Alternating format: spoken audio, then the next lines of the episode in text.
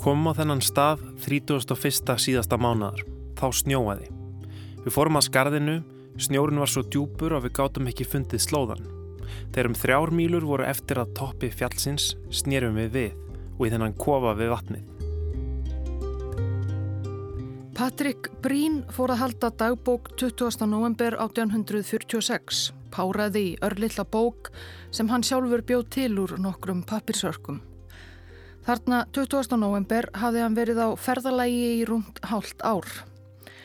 Patrik Brín var um færtugt, fættur á Írlandi en fluttist til Iowa í Bandaríkunum og þarna var hann orðin hluti af hópum 87 ferðalanga sem lagði af stað með vagna og nautgripi frá Missouri í mæ 1846 í vonum að komast alla leið vestur til Kaliforníu fyrir veturinn og hefja nýtt líf í landflæmi og ljúfu loftslægi. Við heyrðum af raunum ferðalangana sem kendir eru við eina fjölskylduna í föruneytinu Donner í síðasta þætti. Þau voru seint á ferð til að byrja með. Þessi leið tók landnema venjulega fjóra til sex mánuði að ferðast og þau gerðu afdrifarík mistök þegar þau letu glepjast af mannin okkrum sem taldi sig hafa uppgötvað stittri leið yfir álfuna. Stittri leiðin reyndist bæði lengri og íllfærari, lagði mikið á ferðalangana, karla, konur og börn á öllum aldri og kostaði þau dýrmætan tíma. Við skildum við Donnerflokkin undir lok oktober 1846 við rætur Sierra Nevada fjallgarðsins. Leiðin yfir fjöllin lág næst í gegnum þröngt fjallaskarð sem trökki áinn rann í gegnum. Skarðið var stórgrít og erfitt yfirferðar fyrir vagna ferðalangana og köplum mjög bratt. Allt gekk á afturfótunum sem fyrr. Öksull brotnaði á vagnni Donner fjölskyldunar og fjölskyldufæðurinn George Donner skar sig illa á hendi þegar hann reyndi að smíða nýjan öksull úr trjátrumbi. Við börðumst áfram eins hratt og við gátum. Veikburða nautgripir okkar gáttu dreyið svo gott sem tóma vagnana. Loks komumst við að rótum mesta fjallshryggsins næri trökki í vatni. Það var sólsettur. Það var heiðskýrt en ljósbögur um tunglið gaf til kynna að stormur var í aðsíi.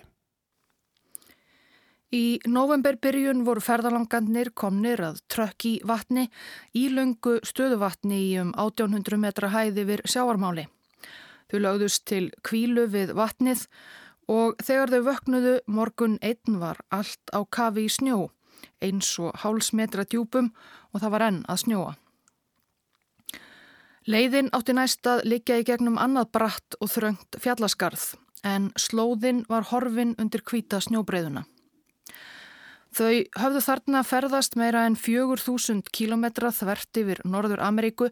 Ferðalægið hafði tekið þau meira en sjö mánuði en þau höfðu verið örfáum dögum of sint á ferð. Það voru ekki nema 240 kilometrar eftir í Söttervirki, loka áningarstað Kaliforníu fara, í hita og skjól.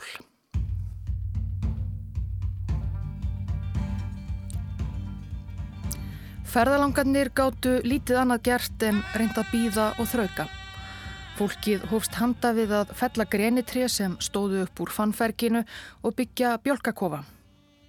Brín fjölskyldan bjó í einum kofa, Patrick Brín, kona hans og börn, Greifs fjölskyldan í öðrum á samt Margaret Reed og börnum hennar, James Reed, maður hennar og einn af leðtugum leðungur sinns í byrjun, hafi verið gerður útlægur úr föruneytinu fyrir að myrða annan mann. Í þriðja kofanum kom sér fyrir William Eddy, 28 ára vagnasmiður á samt konu sinni og tveimur ungum börnum, þryggja og einsárs, sem fyllt hafi flokknum frá Illinois, sem og ekkan Levína Murphy með 12 barna og barnabarna skara sinn. Þjóðvergin Louis Keseberg var svo ítla farin eftir ferðalagið að hann lagði ekki í að byggja sinn eigin kofa. Hann reisti sér frumstætt skíli upp við kofa brín fjölskyldunar fyrir sig, eiginkonu og tvö ung börn. Svoninn Lúis Yngri hafði frú Keseberg fætt á ferðalæinu. Þetta voru raunar allt mjög frumstæðir kofar. Þakin láguð og ferðalangar reyndu að einangra með uksahúðum og tjaldúkum og það nætti í gegn á þúsund stöðum. Það voru engir gluggar, inni var þröngt, kallt, dimt og rægt. Donner fjölskyldan hafi dreyist aftur úr hinnum vegna vesensins með öksulinn á vagnir þeirra og meðsli George Donners. Þau voru um tíu kílometrum á eftir hinnum þegar fórað snjóa og snjóa og sendibóði byrtist frá liðinu við vatnið sem tjáði þeim að fjallaskarðið framöndan virtist ófært. Donnerarnir námu staðar við læknokkun Older Creek. Mennirnir hófust handa við að fella tré í vonum að byggja kofa, sárum og köldum höndum. En snjókoman varð fljótlega svo yfirþyrmandi þung að það var engin leið að halda áfram vinnu þau voru að drukna í snjó. Í staðin klostruðu saman frumstæðum, ömurlegum tjöldum úr öllu sem hönda á festi, vagndúki, teppum, uksahúðum og grenigreinum og skriðu inn skjálfandi af kulda en inni var lítið skjól að finna.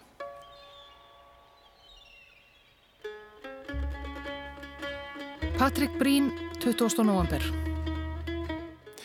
Við höfum drepið flesta nautgripin okkar. Verðum að vera hér fram á næsta vor og komast af á möguru nautakjöti án bröðs eða salts. Það hefur snjóað í átta daga með fáum hljöfum síðan við komum. Næstu daga voru það aðalega veðurlýsingar sem Brín hripaði niður í kofasínum við stöðuvatnið. Mikið frost í nótt, sama veður, vestanátt, lítur út fyrir snjókomu, mikið frost, enn snjóar, snjórin um 90 cm djúpur. Drap síðustu auksana mína í dag, fláið á morgun, erfitt að finna eldi við.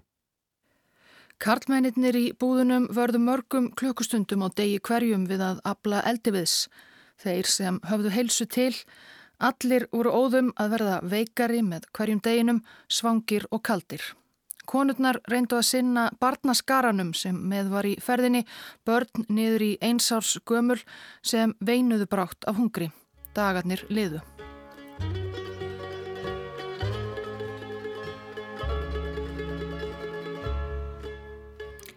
Charles Stanton hafði þegar farið einu sinni yfir fjöllin. Hann hafði verið sendur af stað við annan mann til að fara á undan til Kaliforníu til að ná í vistir fyrir hérna. Hann hafði snúið aftur einn með vistir og tvo frumbyggja af Mívak þjóðinni sér til leðsagnar í fjöllunum. Unga menn sem í skrifuðum heimildum eru bara kallaðir Louis og Salvador þó heflaust hafið þeir heitið eitthvað annað.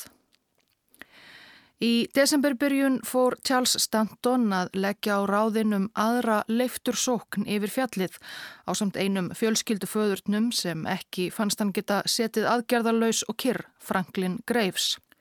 Með hjálp nokkura annara byggu þeir til snjóþrúur úr viðarklöfum nautgripanna og hráskinni. 30. november. Snjóar mikill, snjórin eins til tveggjametra djúpur. Engin levandi vera ánvængja kemst ferða sinna. 1. desember. Allir nautgripir dauðir nema þrýr eða fjórir. Hestarnir og múlasnarnir hortnir líklega tindir í snjónum. Engar líkur á að finna það á lífi. 8. desember 1846. Ágættis veður, heiðskýrt, mikið frost í nótt. Djúpur snjór. Fólk er ekki mikið á ferli. Erfiðis vinna að sapna við til að halda okkur hita og elda nautakjötið. 9. desember. Fór að snjóa um 11. Tók Spitzer inn til mín í gær, hann var svo veikburða að hann getur ekki staðið upp án aðstóðar, að svelta. Sumir er að verða uppiskroppa með kjött. Þegar kjött nautgripana var á þróttum lögðu ferðalangarnir innilokuðu allt sem þau gáttu annað sér til munns. Þau suðu skinnskeppnana og nöguðu jafnvel á endanum skinnin sem þau notuðu til að skíla sér undan veðri og vindum. Suðu, ristuðu og bruttu svo beinin líka. Þau áttu trjáborg, lauf og greinar. Það var misjamt hvað fólk hafði átt af nautgripum þegar ákveðu var að slá upp vetrarbúðunum og þannig hveða miklar kjöttbyrðir. Þrýrungir vinnumenn og kúskar sem byggu í frumstæðu grenigreina tjaldi rétt hjá tjaldi Donnerfjölskyldunar og voru eignalösir fóru snemma að veiða mís og steikja yfir opnum eldi.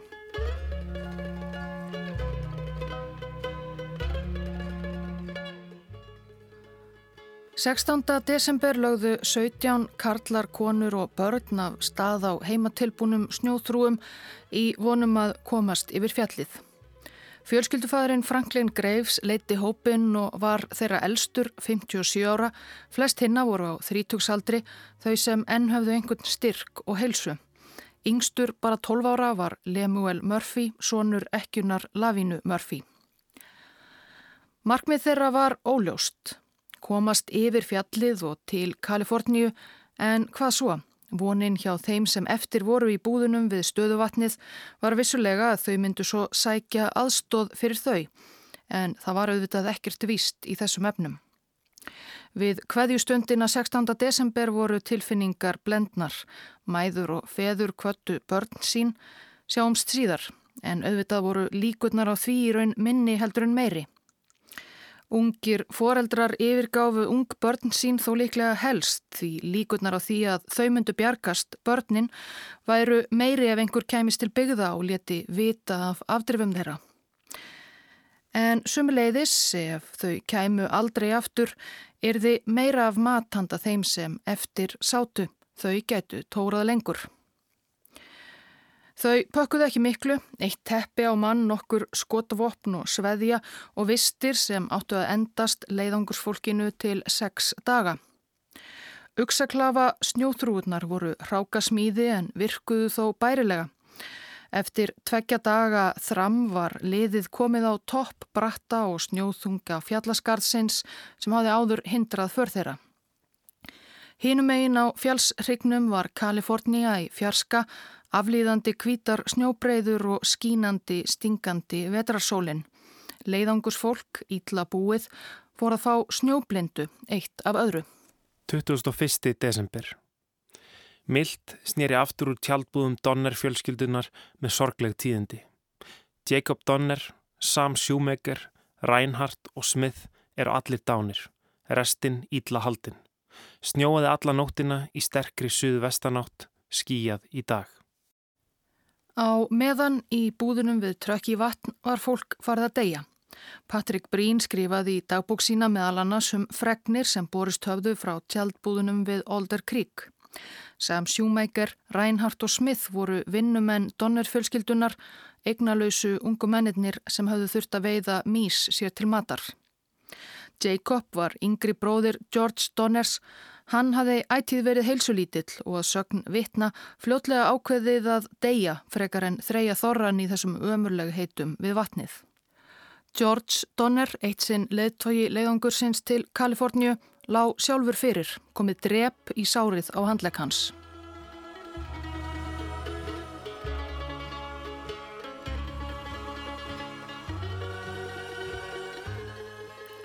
Snjóþrúuhópurinn var komin á vestur hlið Sierra Nevada en hafði haldið kyrru fyrir í óveðri og fannferki í nokkra daga.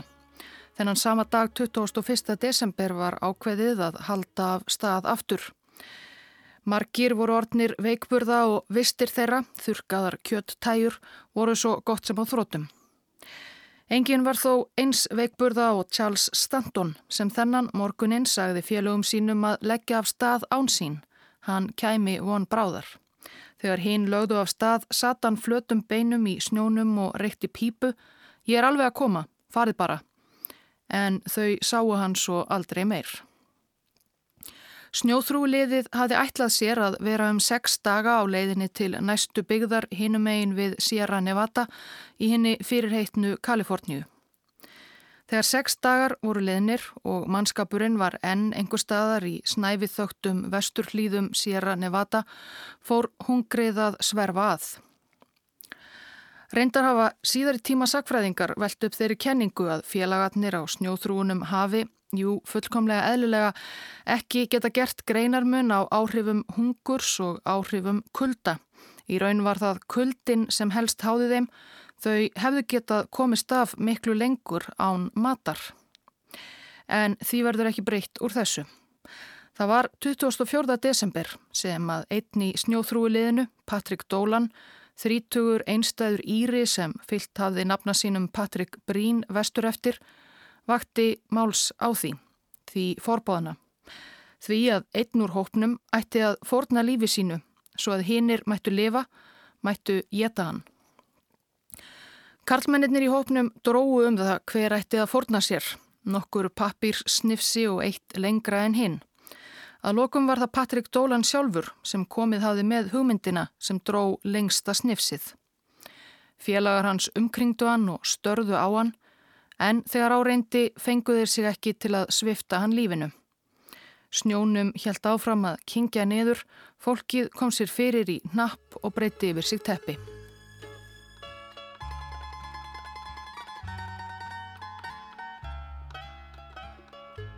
–25. desember 1846 fór að snjóa í gær um hátegi. Snjóaði í alla nótt og snjóar enn. Bytt til Guðs þennan jóladags morgun, útlitið er hræðilegt, en bind vonir við drottin. Amen. Jóladagur 25. desember var ekki sérlega háttilegur í búðum ferðalanga við trökk í vatn og fátum fína drætti, beina súpa og límkjent svoðin skinn í jólamattin viða. En þar sem snjóþrúliðið hýrðist uppi á fjallinu var öllu ömurlegra. Antonio, meksikóskur kúskur, dóum nóttina sem á Franklin Graves sem hafi verið elstur í snjóþrúliðinu. Tvær dætur hans, Sara og Mary, ferðuðust með honum og þar sem líf hans fjaraði út sagði hann dæturum sínum nokkuð sem þeim fannst erfitt að hlusta á þó ljóst væri að hann hefði hag þeirra fyrir brjósti. Ágæti hlustandir eftir að vara við þeim lýsingum sem nú fylgja. Á jóladag og aðfaranótt annars jólum dóu tveir til viðbútar úr snjóþrúliðinu Hinn írski Patrick Dolan sem reif utan af sér öll fötinn á dauðastundinni og Lemuel Murphy 12 ára sem hafði sömuleiði sínt merki störlunar nokkru áður en hann lést. Nákvæmlega hvernig ákverðunin var tekinn hvað ef eitthvað leiðungursmönnum fór á milli er ekki ljóst.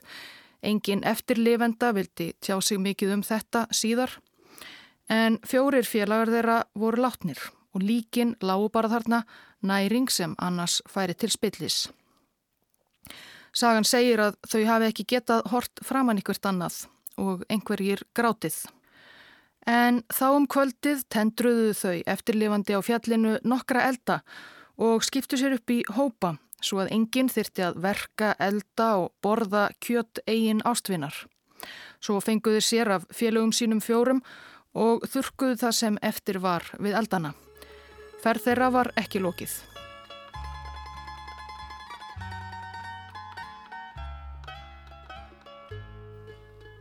Ömurlegur hverstagur helt áfram við frónsið stöðuvatnið.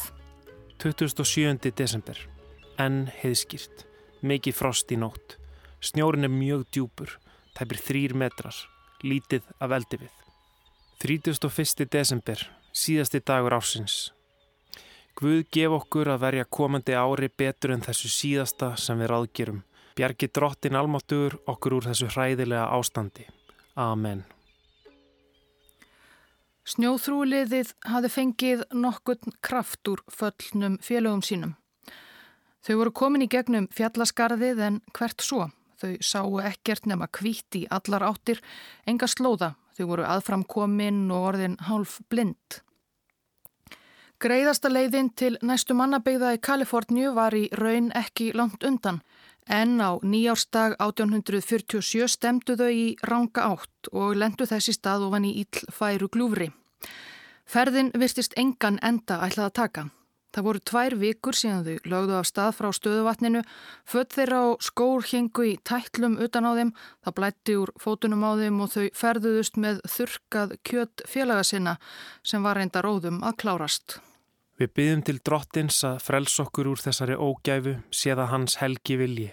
Fór að snjóa í nótt, vistir að verða uppurnar.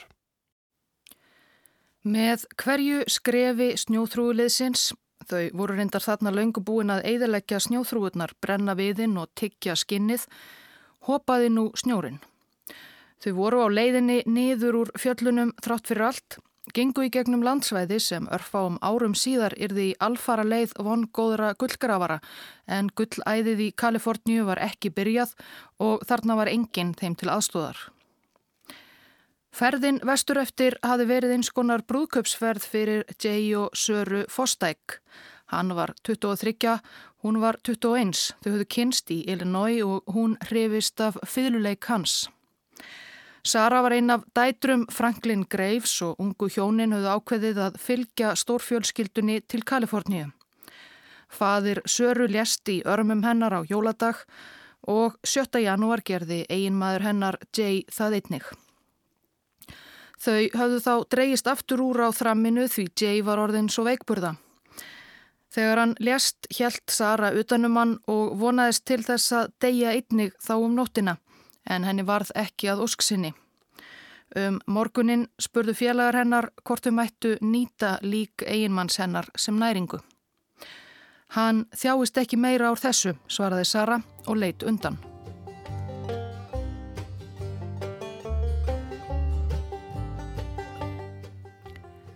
Ekki löngu fyrir sólsetur 18. janúar 1847 var bankað á dyrnar á bondabíli Ritzi fjölskyldunar við rætur Sierra Nevada fjalla í Kaliforníu.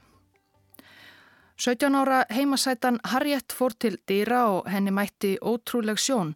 Karlmaður, skinn, horaður og ná kvítur, tötraklættur og virtist vart geta staðið uppréttur. Egið þið nokkuð brauð, spurði hann. Þetta var William Eddy, vagnasmiður og fremstur eftirlifandi snjóþrúu fólksins. Hín sex sem þarna enn lifðu fundust skömmu síðar.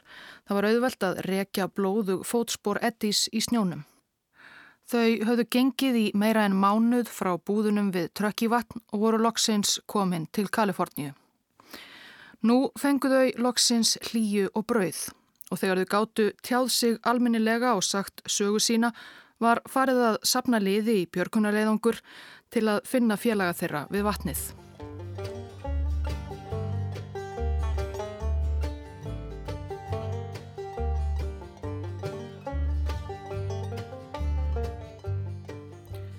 James Reed hafi verið gerður útlægur úr Donnerflokknum á leiðinni til Kaliforníu í oktober fyrir að myrða annan ferðalang kúsk greifs fjölskyldunar.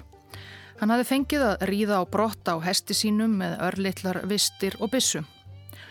Fjölskylda hans, eiginkonan Margaret Reed og börn hyrðust í kofa við trökk í vatn en James hafi tekist að komast yfir Sierra Nevada í lok oktober áður en fannferki gerði ferðalægið íll mögulegt og áði í söttervirki á áfangastað landnimanna við rætur fjallana og sapnaði kröftum. Hann bjóst eflaust við því að þar myndi hann á endanum sjá fjölskyldu sína aftur. Vagnarlestin þeirra myndi byrtast fyrir veturinn. En svo var það ekki.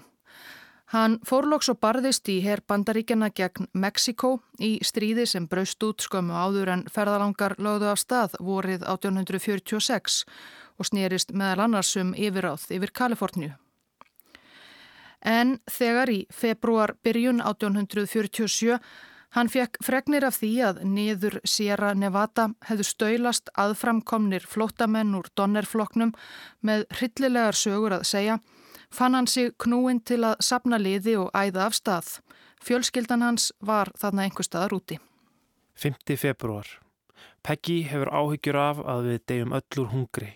Eigum bara örlítið kjöt eftir og bara hluta úr þremur skinnum. Margaret, dóttir Eddís, lést í nótt. Í kofunum við trökki vatn hafðu Patrik Brín og hinnir ekki hugmyndum að félagar þeirra á snjóþrúunum hefðu komist, sumir, á leiðarenda og verið væri að leggja á ráðinum að koma þeim til bjargar. Þau heldu áfram að þreja þorran í fannferginu, nöguðu bein og reyndu að koma niður mögsóðnum uksahúðum. Þau voru farin að hrinja niður. Dagbók Bríns var orðin að upptalningu á látnum. 8. februar Spitzer dó í fyrranótt um þrjú. Við gröfum hann í snjónum. Frú Eddi lést aðfaranótt sjönda. 10. februar Milt Elliot lést í nótt í Kova Murphys.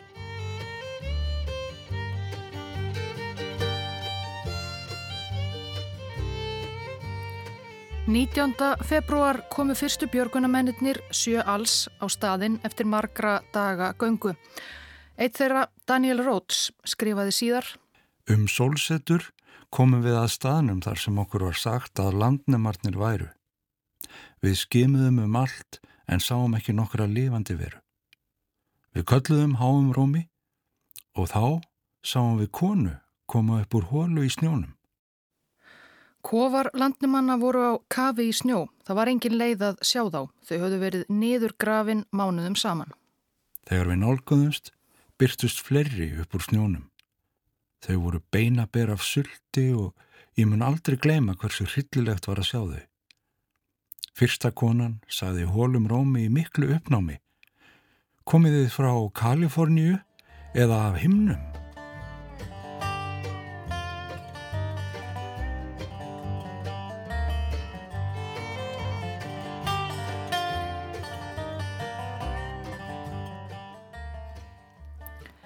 Björgunarliðið gaf aðframkomnum snjóbúnum örlítið að etta og drekka, ekki of mikið í einu þar sem allir virtust mjög veikburða.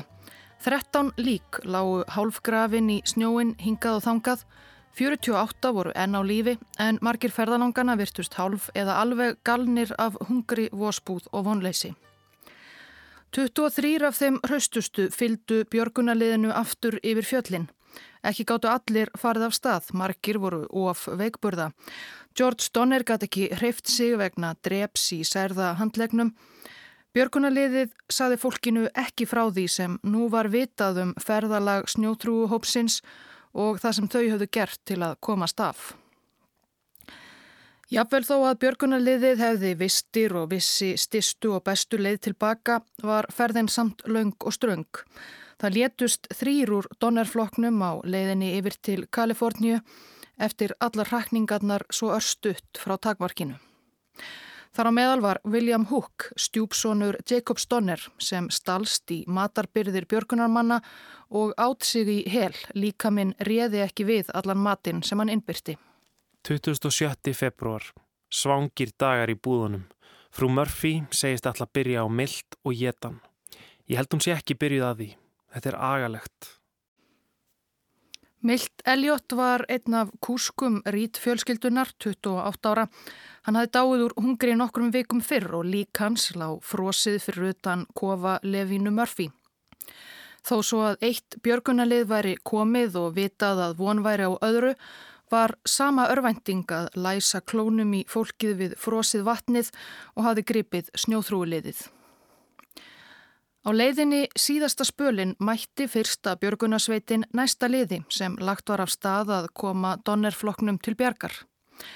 James Reed sjálfur fór fyrir þessari sveit manna og þarna á miðri leið mætti hann eiginkonu sinni og tveimur barna sinna. Þau voru dauðalega á svipin, saði hann síðar, og betluðu bara brauð, brauð, brauð. Þegar lið Ríts komst að trökkivatni 1. mars höfðu tíu til viðbótar dáið og þeir sem eftir voru höfðu tekið sömu ömurlegu örvendingar fullu ákvörðun og félagar þeirra á snjóþrúinum. James Reed lísti aðstæðunum. Millir kofana lágu kjötlaug spein og hálfétin lík fornarlampa hungursins. Þarna lágu útlimir, höfukúpur og hártæjur vesalingsfólksins sem dóur skorti, hold hverja bergaði lífum eftirlifandi félaga sem skulfu undir skítugum dölum, umkringdir ummerkjum um vanhelgar máltíðir og líktust frekar djöblum en mannverum. Þeir sem enn lifðu lágu flestir að mestu reyfingarlausir í ömurlugum og myrkum vistarverum sínum. Drepið í handleg George Donners var komið upp að auksl 17 ferðalangar fylgdur ít og björgunarliði hans frá trökk í vatni í þetta skiptið, mest megnis börn og nokkrir fullornir. Írski dagbókarítarinn okkar Patrik Brín var þeirra á meðal. Síðasta færslan í dagbók hans af fannferki, hungri og dauða er 1. mars 1847. Raunum þeirra var reyndar ekki lokið. Það var enn vetur, rétt byrjun mars og ferðin með veikburða ferðalanga sótist seint. Mikill stormur skall á 5. mars og þá var björgunarflokkur Ríts og félaga rétt við efsta punt fjallaskarðsins yfir trökkívatni. Vegna veðurs satt fólkið þar fast í tvo daga í kulda og trekki. Þegar lagðiloks 7. mars voru Patrik Brín, kona hans og fimm börn of veikburða til að halda ferðinni áfram. Eða kannski bara orðin of vondauf um að raunum þeirra myndi nokkuð tíman ljúka. Elisabeth Graves, kona Franklin Graves sem hafi leitt snjóþrúuliðið en dáið á leiðinni, fekk sig heldur ekki til að fara aftur af stað með fjögur börn sín. Björgunarliðið var því að skilja þau öll eftir á fjallinu. Elisabeth Graves lést ekki lungu síðar sem og fimm ára sonur hennar Franklin Yngri. Aðrir sem eftir sátu gripu þá til örþri var áðs til að halda lífi. Örþri var áðs sem þarna var orðið þeim nokkuð tamt og ég gerir ráð fyrir að hlustendur viti hvað var.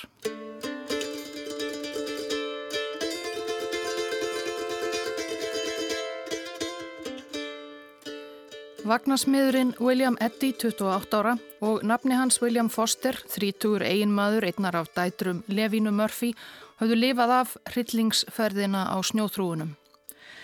Nú sneru þeir ótrúlegt en satt aftur að trökkivatni með fjórum mönnum öðrum í vonum að bjarga svonum sínum ungum sem þeir höfðu skilið eftir, James Eddy, 30 ára og George Foster, einsárs. Á leiðinni aftur að vatninu á að giska 7. mars gengu þeir fram á brínfjölskylduna sem enn satt við eldin efst í fjallaskarðinu með eftirlifandi greifs börnum og ummerkjum viðustykkilegan starfa þeirra allt í kring. Fyldarmenn Foster og Eddís fyldu þá þeim vesalingum niður en Foster og Eddi heldu áfram að vatninu þanga sem þeir komu 13. mars. Það voru þá fáir eftir í búðunum. Levina Murphy tjáði gömlu félögum sínum að sínir þeirra væru látnir fyrir ekki nema einhverjum dögum síðan en aðrir ferðalangar hefðu þegar í ettið líkamsleifar þeirra. Þíski ferðalangurinn Louis Keseberg sem lág fyrir í kofa Murphy svo gott sem lamaður af sulti og kulda og greinilega orðin hálf styrlaður játaði að hafa lagt sér James Eddy hinn unga til munns og fadir hans hótaði að myrðan ef þeir skildu engu tíman hittast vestur í Kaliforníu. Í tjaldbúðum Donnerana tórðu Donner hjónin enn, tvær dætur og ein dóttir Jacob Donners.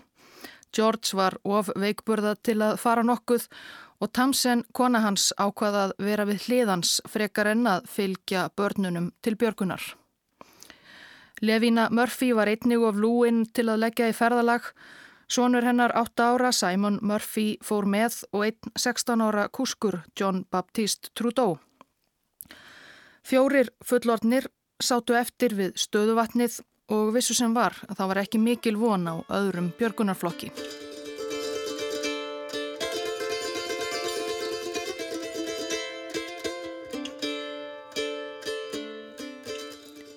10. april 1847 var farið að örla á vori, jafnvel í köldum hlýðum Sierra Nevada og aftur byrtist þá aðkomi fólk við trökkivatn. Þessi fjórðileiðangur var ekki farin til að leita eftirlifandi úr donnerfloknum, var nokkur von til þess úr þessu, heldur að verðmætum sem ógefu fólkið hefði mögulega skilið eftir. Nota átti ágóðan til styrtar þeim börnum sem komist höfðu af úr hrakförinni en mist foreldra sína. Snjór huldi ekki lengur ömurlega bjálkakofana og í einum þeirra fundu aðkomumennir manneitt enn á lífi. Þetta var einn þíski Louis Keseberg sem lá á kofagólfinu umkringdur svora og líkamsleifum. Hann virtist nær störtlaður en gatt tjáð aðkomumönnum að aðrir, George Donner, Tamsen Donner og Levina Murphy, hefðu látið lífið ekki laungu eftir brottför síðasta björgunarflokksins og vissulega hefði hann til að bjarga sjálfum sér getið konurnar tvær.